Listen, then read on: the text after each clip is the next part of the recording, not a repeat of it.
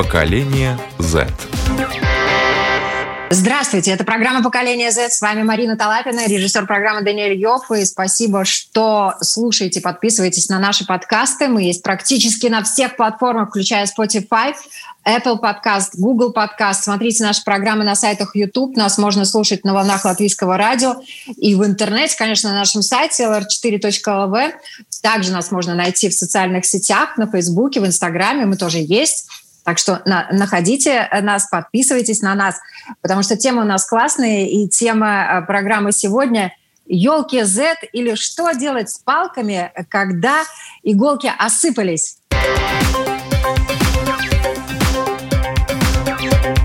Поколение Z. А почему мы выбрали такую тему? А потому что сегодня мы подводим итоги нашего конкурса, который мы объявили до Нового года. Елки, э, хэштег елки Z. Если вы помните, мы просили, чтобы ребята публиковали э, себя, свои селфи на фоне елок в Инстаграме. И э, очень замечательные фотографии ребята сделали, и мы сейчас давайте посмотрим те самые фотографии самых лучших э, э, селфи с елками и с хэштегом елки Z.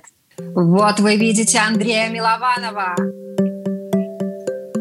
А здесь Маргоша, которая уже участвовала в наших программах. Спасибо ей большое, что она прислала свои фотографии. Вот она с другом. Еще раз с другом очень сексуальная фотография у нее получилась.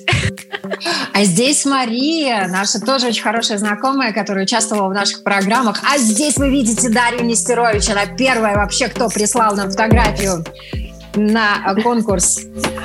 Вот Никита Осипов, артист театра русской драмы, который также для нас э, записал видео с поздравлением. Ну и здесь Виктория Ткаченко, одна из э, лидеров Young Folks. Вот она с шиншилой на фотографии. Такая замечательная фотография, яркая, красивая. Ну и, э, естественно, мы э, обещали программу с участниками конкурса, и мы делаем программу с участниками конкурса. Я рада представить, сегодня в программе участвует Маргарита Швецова. Привет! Здравствуйте! Ты сейчас находишься в Финляндии, правильно? Да. А, я приехала в Финляндию на прошлый Новый год провести Новый год с друзьями.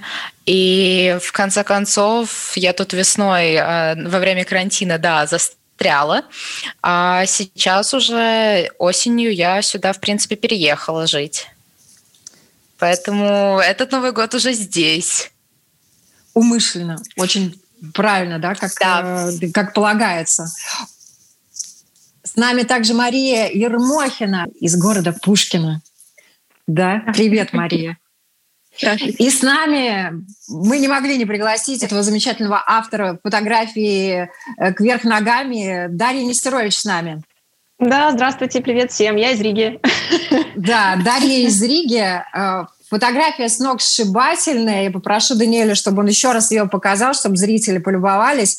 А для людей, которые нас слушают, я расскажу. Дарья сделала с ног сшибательную фотографию, э, в которой она кверх ногами висит каким-то образом на фоне елки. Я расскажу, я могу рассказать как. Давай, рассказывай.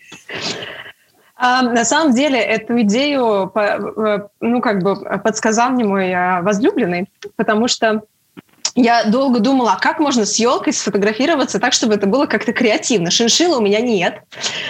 Вот. И он предложил, говорит, давайте я вас возьму э, за ноги, и вы сфотографируетесь. И он меня держит в этот момент за ноги, и надо было немножечко, ну, эм, ловкости, не знаю, акробатики, чуть-чуть силы, чтобы сделать так, чтобы не было видно его ног, потому что он-то меня держит, он за мной как бы. Просто надо было чуть-чуть подвинуться и сделать селфи. Потому что я действительно вешу вверх ногами, там, ну, он высокий, я вешу, наверное, над землей, не знаю, сантиметров 30, может быть, больше.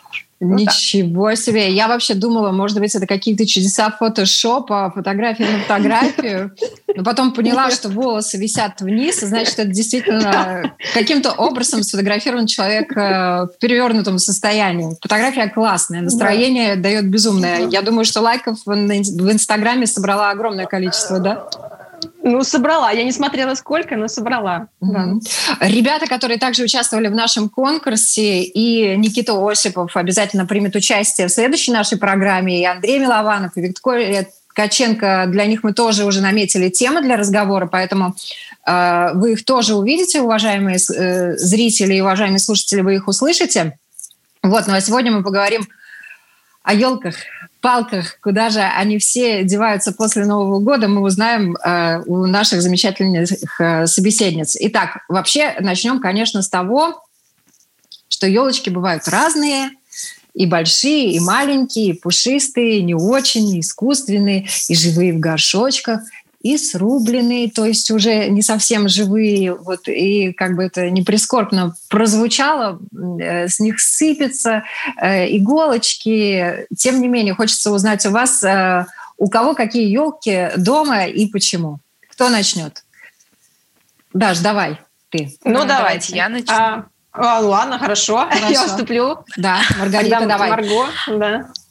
Ну, у меня вот моя елочка, самая обычная, она искусственная, так что она сыпаться не начнет, ну, хотя там изредка что-то падает, пока, по крайней мере, ее ставили. Вот, и она как бы, она долго простоит, так что об этом я не беспокоюсь. У меня такой проблемы нет, что сыпется. Она простоит, я думаю, что не один год, раз она искусственная, да? Да, ну, я уверена, что до марта она у меня точно простоит в этом году, а на следующий год опять будем ставить. Ага. Так что она будет стоять еще до марта минимум. Понятно, до марта елочка будет украшать твой дом. Мария, у тебя тоже там красивая, замечательная красавица стоит, моргает, подмигивает. Да, но это не совсем моя елочка, это елочка моей бабушки. Я сейчас просто у нее нахожусь. А так у меня дома тоже стоит искусственная и живая. У меня две елочки. Вот. А живу мы приобретаем каждый год, чтобы был такой запах Нового года, такая атмосфера. Вот. А искусственная у нас стоит уже а, ей больше 20 лет. И она у нас как такой символ а, было вот такое, по такого времени ностальгии. Дело в том, что родители ее покупали в трудное время, вот, и она уже, получается, старше меня, и она у нас каждый год стоит наряженная, как символ такой семьи, что ли. Вот такая вот милость. Красивая такая традиция, очень красивая семейная традиция. Вот в Новый год у всех традиции, да, у всех традиции, и все стараются эти традиции э, поддерживать. Даш, как у тебя? У меня две елки, обе настоящих. Одна, одна настоящая в горшке, потому что я всегда с нетерпением жду этого момента, когда же можно поставить елку. Но э, живую елку ставить сразу, она сыпется, и, и я все время жду этого, ну, 30, 30, ну, хотя бы 30 декабря, ну, пожалуйста. И пока я жду, чтобы мне было легче, я покупаю сейчас, есть возможность купить э, комнатное растение, то есть это комнатная елка, где-то 20 э, сантиметров высотой, Э, она в горшке, она живет у меня несколько лет, потом она как-то что-то не нравится, она погибает, потом я покупаю снова. И как бы этот цикл, он повторяется. На нее я вешаю очень интересные игрушки. Они все не выше, чем полтора-два сантиметра. То есть они маленькие. Ага. Они стеклянные. Да, они стеклянные, потому что они мне достались по наследству, наверное, уже от моей прабабушки. И единственное, что у них осыпалась немножечко краска, и мы возобновляли краску вручную кисточкой. Это адский труд. Я никогда не позавидую тем людям, которые до сих пор расписывают елочные э, игрушки стеклянные вручную, потому что я расписал, конечно, маленькие, и там не такие сложные формы. Там есть грибочек, э, там есть какие-то сосульки, ничего такого. Мишка там маленький, ну, как бы ничего сложного на самом деле. Но маленькой кисточкой расписывать это очень трудно. И я их возобновила, эту краску, и вот я их достаю специально для вот этой маленькой елки, маленькие игрушки. Вот так. А для большой елки, ну, как бы она ставится 30 сентября, 30 э, декабря, извините. И э, большая елка, там тоже, в принципе, игрушки такие раритетные, уже пожившие, которые достаются вот специально для этого момента. И елка стоит э, живая, ну, как бы срубленная, но в воде или в песке. Вот. И потом э, есть возможность ее ждать, когда она осыпается совсем. То есть, ну, я думаю, что до старого Нового года она точно достоит. Угу. А потом просто посмотрим э, возможности. Есть места, где принимают елки. Но мы Я вот... знаю, что нас даже на районе принимают. Вот. Мы сейчас попозже чуть поговорим о том, что же делать с елками, от которых надо избавиться. Вот. А вот ты рассказала просто такую классную историю по поводу того, как ты украшаешь и чем ты украшаешь. Ну, это же тоже такое таинство, такое домашнее, которое как раз создает настроение. Девчонки, как у вас происходит вот это как вы наряжаете этих красавиц зеленых? Маш, давай расскажи ты. Мы Кто в этом участвует? А, да, мы с мамой обычно вместе наряжаем елку, и, конечно же, наша собака крутится вокруг нас. Вот, мы включаем какой-нибудь фильм, даже не один, вот, и просто, ну, тот уже, который мы смотрели, хорошо знаем, мы, получается, можем спиной его смотреть, грубо говоря. Вот, и вот так как-то весело, уютно проходит наряжение. Марго, ну, мы как это, мы и собирали елку и украшали все одновременно. Это, это из варианта один уровень елки ставится, его там все, все это расправляется, а потом второй уровень, третий, и тогда уже все украшения вешались. А также, так как я сейчас в Финляндии, у финнов есть такая новогодняя традиция, что они ставят под елку новогоднего козла рождественского. Ты с ним как а, раз на фотографии, рождественский да? козел? Да, я, я вот именно с ним на фотографии. У меня как бы есть еще вот маленький такой же. И у них такая традиция, что а, на финском языке есть такое слово пукки. Пукки значит козел. А, йолу это Рождество.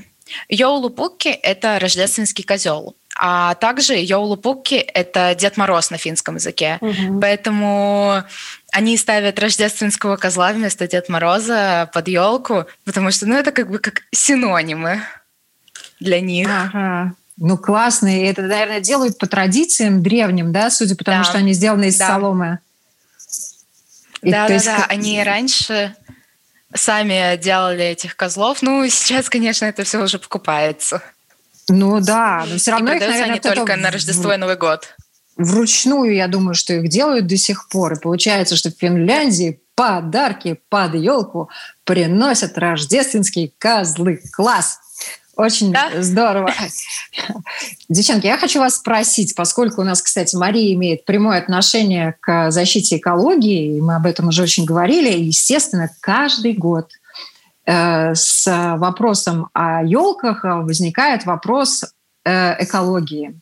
А какие елки правильнее ставить, экологичнее ставить? Одни предпочтения отдают искусственным, другие предпочтения отдают живым, и у всех есть свои аргументы. Вот мне хочется услышать ваше мнение. Начнем, конечно, с мнения эксперта Марии из Пушкина. А, то есть, что экологичнее для начала? На твой взгляд, а, да. Лично, да, лично мое мнение, все-таки экологичнее живая елка или там лапник, который можно собрать, собственно, в лесу, просто походить, пособирать э, веточки, которые уже опали.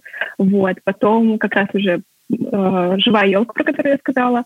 Если она, конечно, куплена в проверенных местах, у производителя которого есть документы о том, что эта елка вырублена, э, да, вырублена специально, изначально была посажена только для того, чтобы продать, чтобы она была продана, соответственно. Вот. А, и уже на третье место я поставила искусственную елку, которая а, прослужит не менее, конечно, одного года, но это обычно они, они служат много дольше. Я читала на сайте Greenpeace, что искусственная елка окупится своим вот этим производством, то, что она сделана не из экологичных материалов, она окупится только через 20 лет. Поэтому если ваши елки простоят 20 э, и больше лет, то это супер классно, и вы супер экологичный человек. Ага, то есть если завели елку искусственную, Маргош, ты поняла, меньше 20 лет э, она должна служить у тебя как солдат каждый год в течение ближайших двух десятилетий Ставишь и украшаешь, ставишь и украшаешь, ставишь и ну, украшаешь. Ну, до моих 38 лет простоит, наверное. Ну, а у тебя какие аргументы вот э, по поводу елок? И, может быть, тебе тоже хочется живую в Финляндии, как с живыми елками? Ну, у них это не так сильно распространено.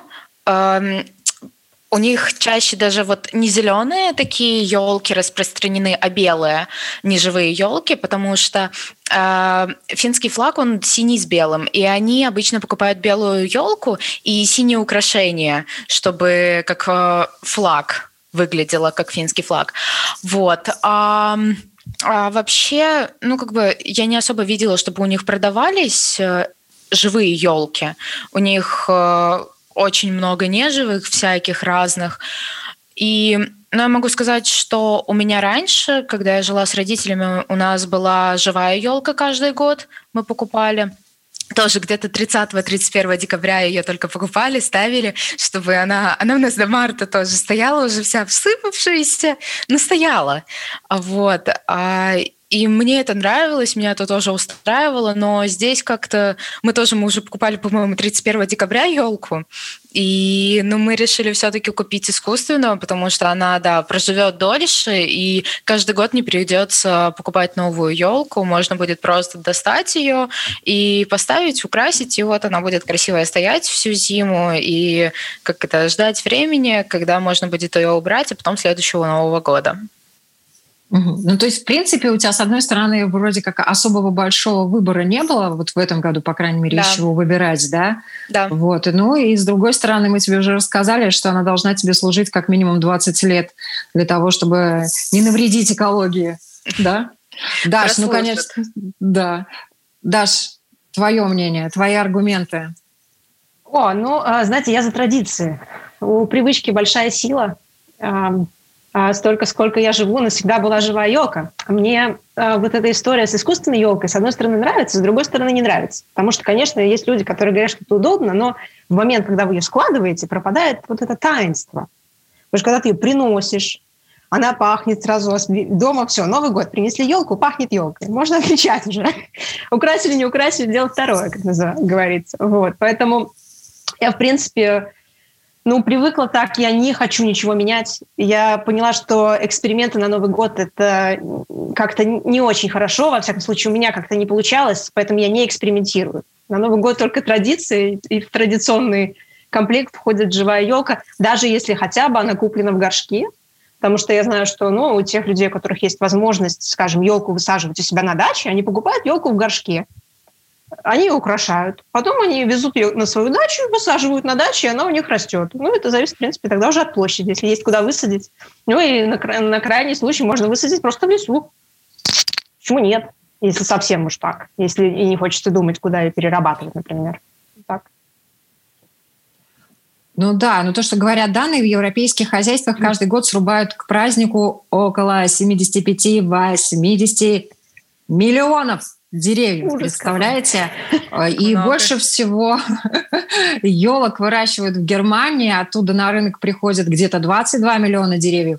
И в лидерах отрасли также Дания, Австрия, Франция и Бельгия. Да, и Дания также занимает второе место по экспорту новогодних елок, а, причем уступает она а, по экспорту США. Вот. И необходимо около 8 лет чтобы вырастить ель, которую потом можно купить. И, конечно, активно занимаются выращиванием елок и наши латвийские жители тоже. Э, нет конкретных данных, к сожалению, сколько деревьев продают на местном рынке, но по информации Центрального статистического управления страна каждый год э, продает однозначно, в том числе на экспорт, свыше 20 тысяч елок. Это, конечно, не миллионы, тем не менее, молодцы тоже выращивают. У нас леса знатные, богатые. Вот. А хочется, э, конечно, спросить, вы знаете о чем? Вот э, почему говорят, что елки живые э, на самом деле не наносят такой ущерб экологии, потому что их, во-первых, для этого э, специально выращивают, да, на плантациях специальных, в том числе у нас в Латвии можно э, питомники увидеть, где их выращивают. Во-вторых, часть деревьев действительно может вырубаться и должна вырубаться, потому что они растут вдоль, э, например, линии электропередач, и они не могут там вырастать и мешать этим же линиям. Точно так же э, вдоль газопроводных магистралей их надо вырубать. Деревья могут вырубаться и в целях противопожарной безопасности и так далее. А вот эм, Хочется вообще, знаете, о чем поговорить еще? Не только о домашних елках. Дома это всегда такая уютная, э, классная такая традиция новогодняя для настроения, для семьи. А мы же тоже обращаем, очень обращаем внимание на городские елки. Марго, я, наверное, попрошу тебя начать. Вот э, елки в Финляндии. Чем они тебя удивили, поразили? Здесь елки они их не срубают. У них, если елка стоит, э, допустим, вот как у нас бывает у торговых центров, э, перед входом ставят какую-то громадную такую елку. Каждый год новая елка, но ее откуда-то привозят. То есть она где-то выросла, ее срубили, привезли, поставили. Здесь все работает немножко иначе. Они елки как бы они их выращивают прямо перед входом э, в какой-то либо торговый центр, либо ну в любом месте у них стоит елка круглый год просто, и она растет сама, то есть ее ни, ниоткуда не привозят. Она вот, как ее там посадили, так она там и растет, и каждый год она все больше, пышнее, и ее просто к Новому году украшают.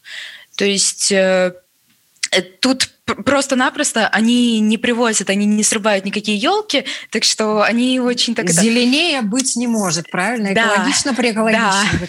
Такое эко-мышление, очень. которое уже началось, видимо, если там елки большие, наверное, уже несколько десятилетий точно они блюдут эти традиции, да? Да, они просто каждый год украшают разными украшениями, большими эти елки, но эта елка там стоит круглый год, так что если летом приехать посмотреть, она, она будет стоять тут же, просто не украшенная. Такая дальновидность, да? Да. И это уже дальновидность, судя по тому, что они большие, эти елки, им же надо несколько десятилетий, чтобы вырасти. Да. Это уже такая традиция, дальновидная традиция. Тут даже из-за того, что очень у многих частные дома, так как территория страны большая, э, у них э, на территории тоже растут маленькие всякие елочки, и они на Новый год украшают, и вот на Рождество, на Новый год они украшают эти елки, которые стоят у них во дворе или перед домом, так что у них как внутри дома стоит елка, так и снаружи э, во дворе, во дворике, либо перед домом тоже растет елка, которая тоже украшается каждый год. Классно. Зеленое мышление в Финляндии уже вовсю, да? Маш, да. как в России с зеленым мышлением и с главными елками страны? Ну, в России не такое зеленое мышление, как в Финляндии, как мне кажется. Вот. А, насколько я знаю, в больших городах по типу Москвы, Санкт-Петербурга, там на главной площади, конечно, высокая живая ель. Я слышала по новостям, что а, специально для Москвы елки, ездили в область, искали самую красивую елку, и ей чуть ли не больше 70 лет. И вот этот фактор, что она старше там, моих родителей, что она настолько много всего повидала, а ее взяли и срубили, и потом, ну, скорее всего, пустят на переработку, но все равно как-то вот этот факт, что она такая взрослая, и ее просто срубили для того, чтобы простоять там месяц. Вот. А в маленьких городах, вот как где я живу, тут э, просто ставят искусственную елку, большую, красивую, и даже, мне кажется, у нас уже эта искусственная елка несколько лет просто живет, ее просто каждый год достают из коробки, грубо говоря, и ставят. Вот. Даш, Елки, да. рижские, а может быть не только рижские. Какие тебе в этом году приглянулись? Что ты по поводу главных елок думаешь? Ну, вообще они красивые, не знаю, каждый год. Эм, у торгового центра, например, я знаю про спицы, у них стоит составная искусственная елка. Она да, большая. очень, да, да, да, да. Вот, каждый да, год очень красивая, да, они ее собирают. Я видела, как ее собирают, поэтому да, у них искусственная елка, каркас, как бы, ну, окей, они ее разбирают, потом хранят, потом опять собирают. Ну так делают. А то, что касается елок в Латвии, я знаю долгофилскую елку, она составная тоже, по такому же принципу, как в спице, только в спице ее составляют из искусственных, а в Даугавпилсе ее составляют из живых. Вот, она тоже такая конусообразной формы, ее украшают красиво, там, в принципе, не знаю, по-моему, елка это всегда красиво, какая бы она ни была. Да, у нас на самом деле есть еще искусственные очень классные, прям у Лидо, угу, невероятная да, елка, да, и она вся светится, переливается, и там в том числе и реклама на ней светится, но это все равно красиво под Новый год, как елка она смотрится, несмотря на то, что там что-то доносит до потребителя, да. Но у нас есть еще такая классная традиция, ну, наверное, классная или не классная, вы мне скажете, но мне она э, когда-то в свое время понравилась. Я участвовала как журналист несколько раз в выборе главных елок э, для латвийской столицы, для Риги. И в хорошие времена все мэры Риги, и действующие, и прошлые, ехали в лес еще по осени, да, и лесничий показывал претенденток, да, то есть было несколько красавиц зеленых, по возрасту они тоже были разные. 70 лет там никому не было, они были помоложе. Вот. Но они тоже были, так сказать, лишены жизни, и э, их вырубили, и украсили ими э, главные площади нашей страны, в том числе нашу Домскую площадь, на которой находится наше любимое радио, латвийское радио. И э, вот э, ну, там вообще все классно. Там и э, ее украшают и привозят, и вывозят. Это всегда событие, как вот в этом году украшали на Домской площади. Я тоже видела. Для меня было удивлением, что вообще елку на Домской площади, например, украшали в основном мужчины, украсили очень красиво. Тем не менее, несмотря на то, что этих красавиц вырубают, есть и другая традиция по весне. Э, те же мэры едут э, в лес и сажают эти же елки, причем в гораздо больших количествах. Я тоже в этом принимала участие. Это делается при помощи специального приспособления, очень даже такого несложного, простого, и занимает э, ну, буквально там несколько секунд. А, оно как бы выстреливает туда, как патрон э, засаживают саженец, да, и оно в землю его так джух, вбивает, если можно так выразиться. Да? Вот. А вообще вы деревья сажали в своей жизни? Ой, мне не довелось. Я сажала только, может быть, какие-то культуры съедобные. А, а розу я как-то сажала, но это не дерево. Дерево не доводилось, честно. Девчонки, а вам? Самое. Я, я тоже как это в детстве, там в огороде на даче что-то сажала, какие-то цветы, какое-то, какие-то тоже, какую-то пищу, но деревья нет.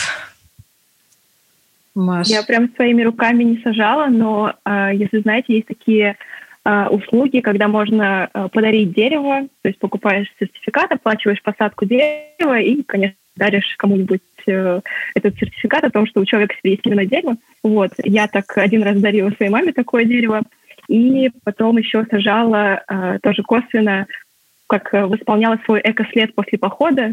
Мы там добирались на электричках, и нужно было э, по-хорошему потом восполнить этот экослед, и я вот сажала вот так дерево косвенно. Вот. А еще э, как-то, может быть, знаете, такие есть кубы, где уже есть семена, земля, и ты просто его поливаешь, и из него должен, по идее, вырастать какое-то дерево. Но у меня ни разу такого не получалось. У меня как-то была голубая ель, она вылезла, так показалась, помахала своими иголочками и завяла, наверное, через несколько дней. Вот. Ну ничего, вся жизнь еще впереди. Вообще деревья сажать это мужское дело, да, это традиция настоящих мужчин. Там э, посадить дерево, а построить дом, родить сына. Давайте, конечно, вот, э, к сожалению, праздники завершаются. И главный вопрос экологов – которым они задаются и которые они задают всем, в том числе экспертам, которые я вам сейчас хочу задать. Это вот способ утилизации настоящего дерева, он э, гораздо важнее, да, э, чем его происхождение. Срубить срубили, а вот как его выбрасывают. Ах, когда вы свои елочки готовите отбыть из квартир, из домов? Ну, в Старый Новый год, я думаю, после, во всяком случае. Эм, после 13-го, да? Да, да, да. Вот, но э, я знаю, что у меня есть две опции. Периодически есть э, просьба от э, Рижского зоологического сада, на, на, чтобы приносили, в общем, елки, да, которые отслужили. Они их как-то используют. И у нас в районе собирают какие-то активисты, они сказали, что они заказали э, компанию, которая будет их утилизировать, то есть тебе надо просто в определенный адрес принести эту елку в определенный день, в определенный час, и приедет компания, все заберет и утилизирует как бы без вас. Вот. Это две опции, которые у меня есть. Ну да, я помню, в прошлом году тоже говорили, в какие дни выставлять елки, чтобы их uh забирали. Да, uh у нас э, так это все организовано на самом деле. Маргоша уже сказала, что до марта ее елка стоит, потом она, наверное, куда-нибудь или на андресоль, или в чуланчик, да? Как это, в коробку и в подвал. Будет красиво там стоять коробочки. Ждать следующего года. Да. А мы свою елку где-то тоже после Старого Нового года будем э, убирать. Э, мы в прошлые года возили в специальный контейнер, который организует наша э, компания по раздельному сбору отходов. Насколько я знаю, в какой-то год э, эти елки перерабатывались в хоккейные клюшки. Что будет в этом году, не знаю, но думаю, что тоже что-то интересное придумают. Еще знаю, что в Москве, московский зоопарк, как уже сказала Дарья, э, в Риге собираются елки для зоопарка. Они делают, насколько я знаю, подстилки. Они. Крошат на пилки эти деревья и делают такие подстилки для животных. Вот.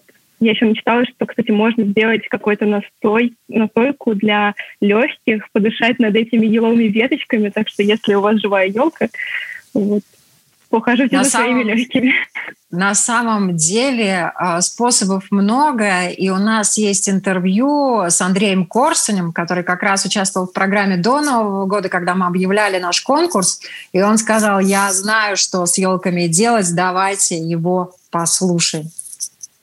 Итак, с нами на связи Андрей Корсунь, который знает, что делать с елками после Нового года. Андрюш, привет! Привет, привет! Итак, какая у тебя елка была, искусственная или настоящая зеленая?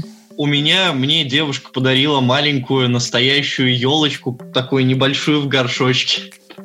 Но ты бывалый елковед, поэтому да. ты знаешь, что с ними делать, э, когда праздники заканчиваются. Вот твои рекомендации. Елку можно использовать. Вот э, у меня моя, так сказать, дама сердца, она занимается выжиганием, и она себе специально выпиливала вот такие вот там, типа из каких-то деревяшек, вот такие вот выпиливаются кругляшки, они высушиваются, и на них очень приятно потом выжигать. Ну, рисовать, опять же, красками можно. Ну, вот я как э, художник, какой-то вот, ну вот, мне, мне нужно что-то делать руками, я рукодел. Вот. И очень часто я, к примеру, когда пытался сделать какую-то диораму, там, где нужно использовать какое-то маленькое что-то зеленое, и чтобы оно было похоже на траву, я такой, ну так иголки от елки. Все хорошо, все отлично. Писал я, значит, картину, и мне нужно было сделать, так сказать, текстуру. Вот. Я в итоге приклеивал к холсту эти иголочки, и потом сверху по, них, э, по ним вводил уже э, кистью с красками. И в итоге такая очень интересная текстура получается. Рисом примерно такую же можно сделать. Вот. Слушай, ну на самом деле вариантов много, да? Дай волю да. фантазии. Да, вот это... в том все и дело. Как я говорю обычно, то, что каждый человек художник, просто надо направлять иногда свое мышление в нестандартное русло. Класс. Слушай, а как ты чай завариваешь? Да, вот чай я завариваю, а, особенно когда я, ну, до ковида я в основном этим занимался.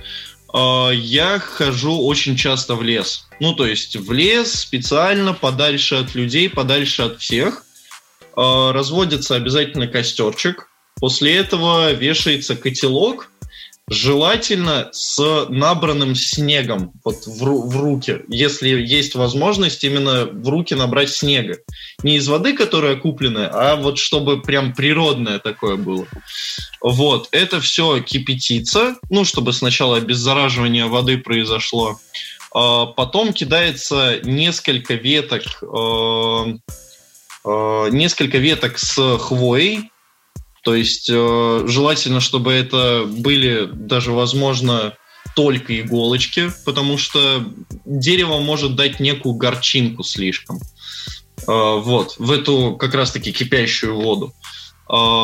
Потом можно закинуть, ну, как бы чуть-чуть промыть шишки, то есть они тоже дают свой аромат. А, и иногда можно взять с собой, там, не знаю, гроздь каких-то ягод, либо меда с собой взять. Э, и вот в прикуску с этим чайком как раз очень прогревает и душу, и организм.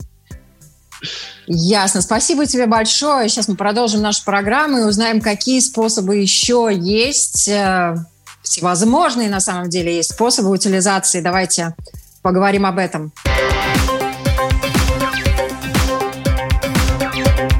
Поколение Z. Но вообще, на самом деле, способов утилизации елок огромное количество.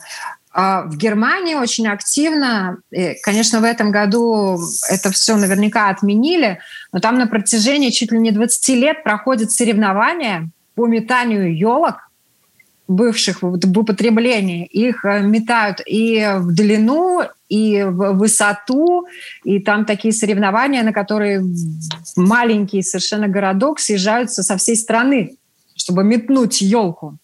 Вот. А из елок, как вы уже сказали, действительно, елки э, можно использовать как еду для тех самых животных, да. Хвоя э, содержит разные витамины и полезные вещества. Можно накормить домашний скот, да, я думаю, что в зоопарке тоже. Овцы или коровы с удовольствием обгладают веточки. Там витамина С очень много, да, и вот поэтому зоопарки именно и принимают ели и сосны, и в том числе они, конечно, вольеры утепляют этим. Вот. Можно делать елки-поделки, как уже Андрей рассказал. А, можно э, использовать елки, конечно же, на дрова. Да? Никто не отменял. Дерево в топку топку дерева. И на самом деле говорят, что вот елки сжигать это гораздо экологичнее, чем оставлять их, чтобы они разлагались, потому что они выделяют метан. Экологи говорят, что лучше, лучше в печку. Вот. Елки также используют на удобрение, да, и собрав хвою, можно использовать ее в качестве удобрения, и смешанная с прошлогодней ботвой. Да. Тут надо учитывать для тех, кто хочет все-таки использовать как удобрение, что надо запастись и ботвой. Вот. И э, таким образом там доба- добавить все это к компосту и полезные микроэлементы и вещества ваши растения получит. А если нет огорода, кстати, ну, на подоконниках растут комнатные цветы, сделать для них э, можно сделать полезный настой тоже на елках. Да? Так что если у кого-то елка осыпалась, а иголочки выкидывать жалко, можно эти елочки взять, э, иголочки взять, да и заварить. Вот. И такое вот вкусное удобрение будет для домашних кактусов, как вариант. Елки можно также использовать и как веник. Ах. Да, если кто-то любит э, баню, все эти традиции, но единственное, рекомендуют э, веник этот хорошенько-хорошенько вымочить в кипятке, чтобы иголочки были помягче. Ну а у кого очень чувствительная кожа, даже к вымоченным еловым веточкам, то можно просто на них постоять. Это тоже очень хорошо активизирует э, нейрончики на конце, на пяточках, там, на стопах, и очень хорошо может э, повлиять на здоровье, укрепить э, иммунитет тем самым. Ну и елки можно использовать также как лекарство, да, вот я уже говорила, что там много витамина С, как э, елки заваривать нам рассказал Андрей – вот. Ну и, конечно, хвою, ради чего вообще живые елки-то срубают и дома ставят. Ее можно использовать как ароматизатор.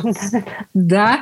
Я думаю, что всем нравится вот этот запах э, хвои, э, хвойный запах. И э, ну, если, конечно, искусственная елка, я сейчас подумала, вот у Марго искусственная елка, но если она вдруг соскучится по домашним елкам живым, то она может купить ароматизатор с запахом хвойным и все, и таким образом Я живу в Финляндии. Здесь, здесь вокруг везде леса хвойные и болота. Так что, ну и как бы море рядом. Поэтому для меня здесь как это хвои мне хватит уж точно. Слушайте, девчонки, а вот как вы э, раскурочиваете елки? Я это стараюсь делать очень быстро. Я не знаю, я почему-то очень-очень стремительно снимаю игрушки и думаю побыстрее, побыстрее. Мне как-то так жалко ее всегда, э, вот эти все украшения снимать, что я стараюсь это сделать, э, ну, как, как говорится, собачки, чтобы не семь раз хвостика врубать, а быстренько так убрал и забыл, и вынес, и забыл. А вы как это делаете? У меня все тоже быстро происходит. Раз уж начали, то нужно закончить как можно быстрее.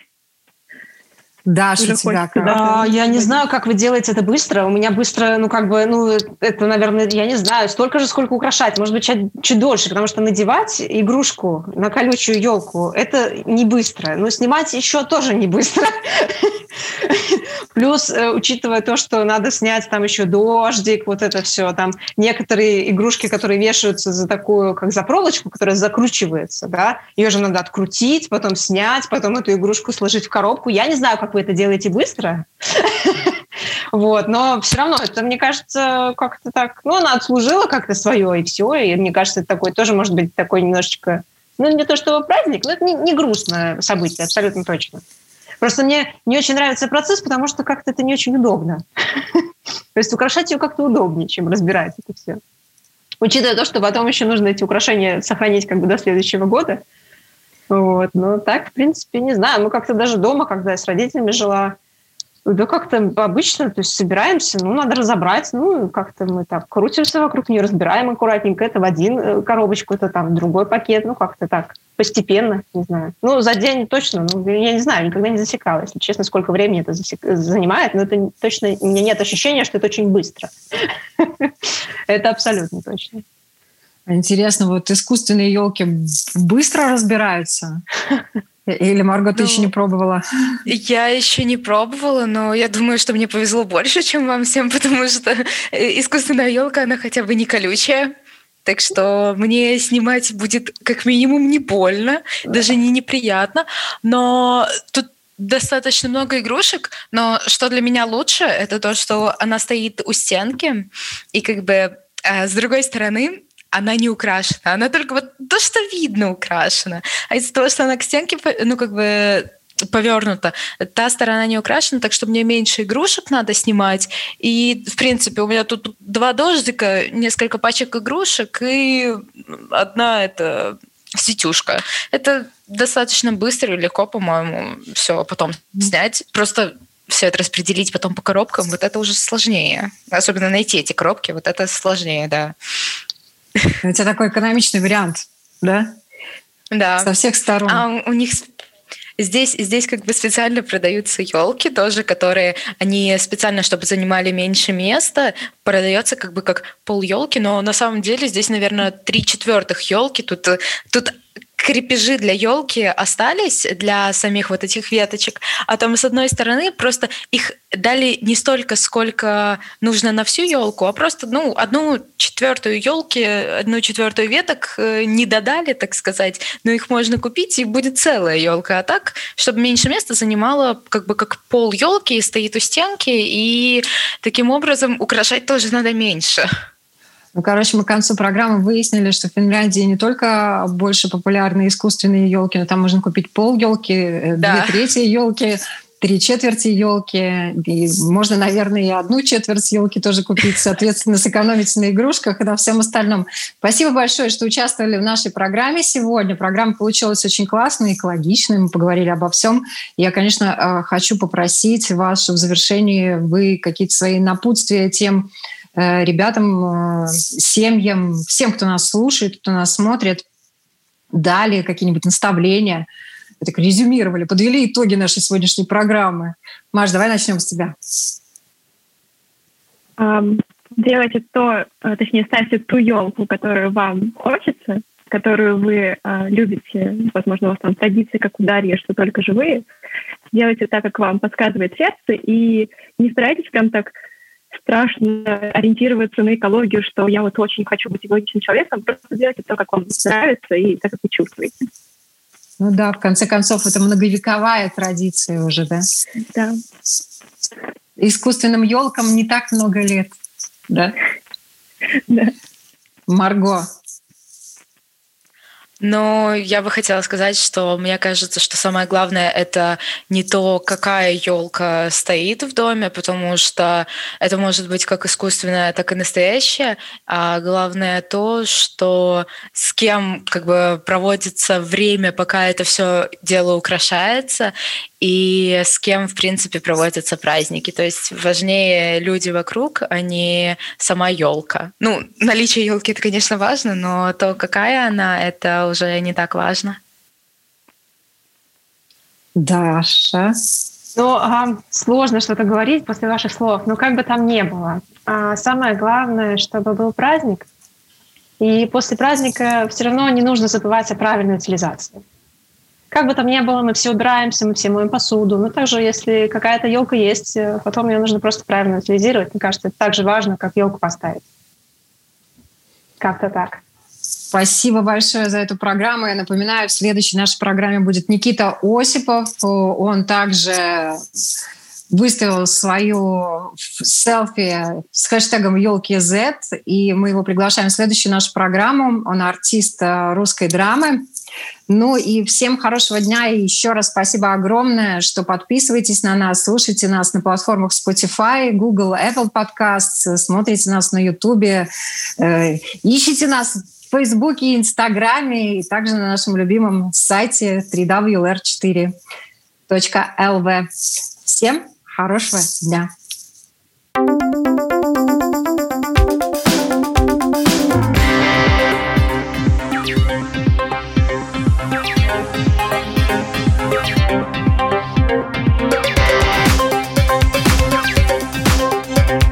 Поколение Z.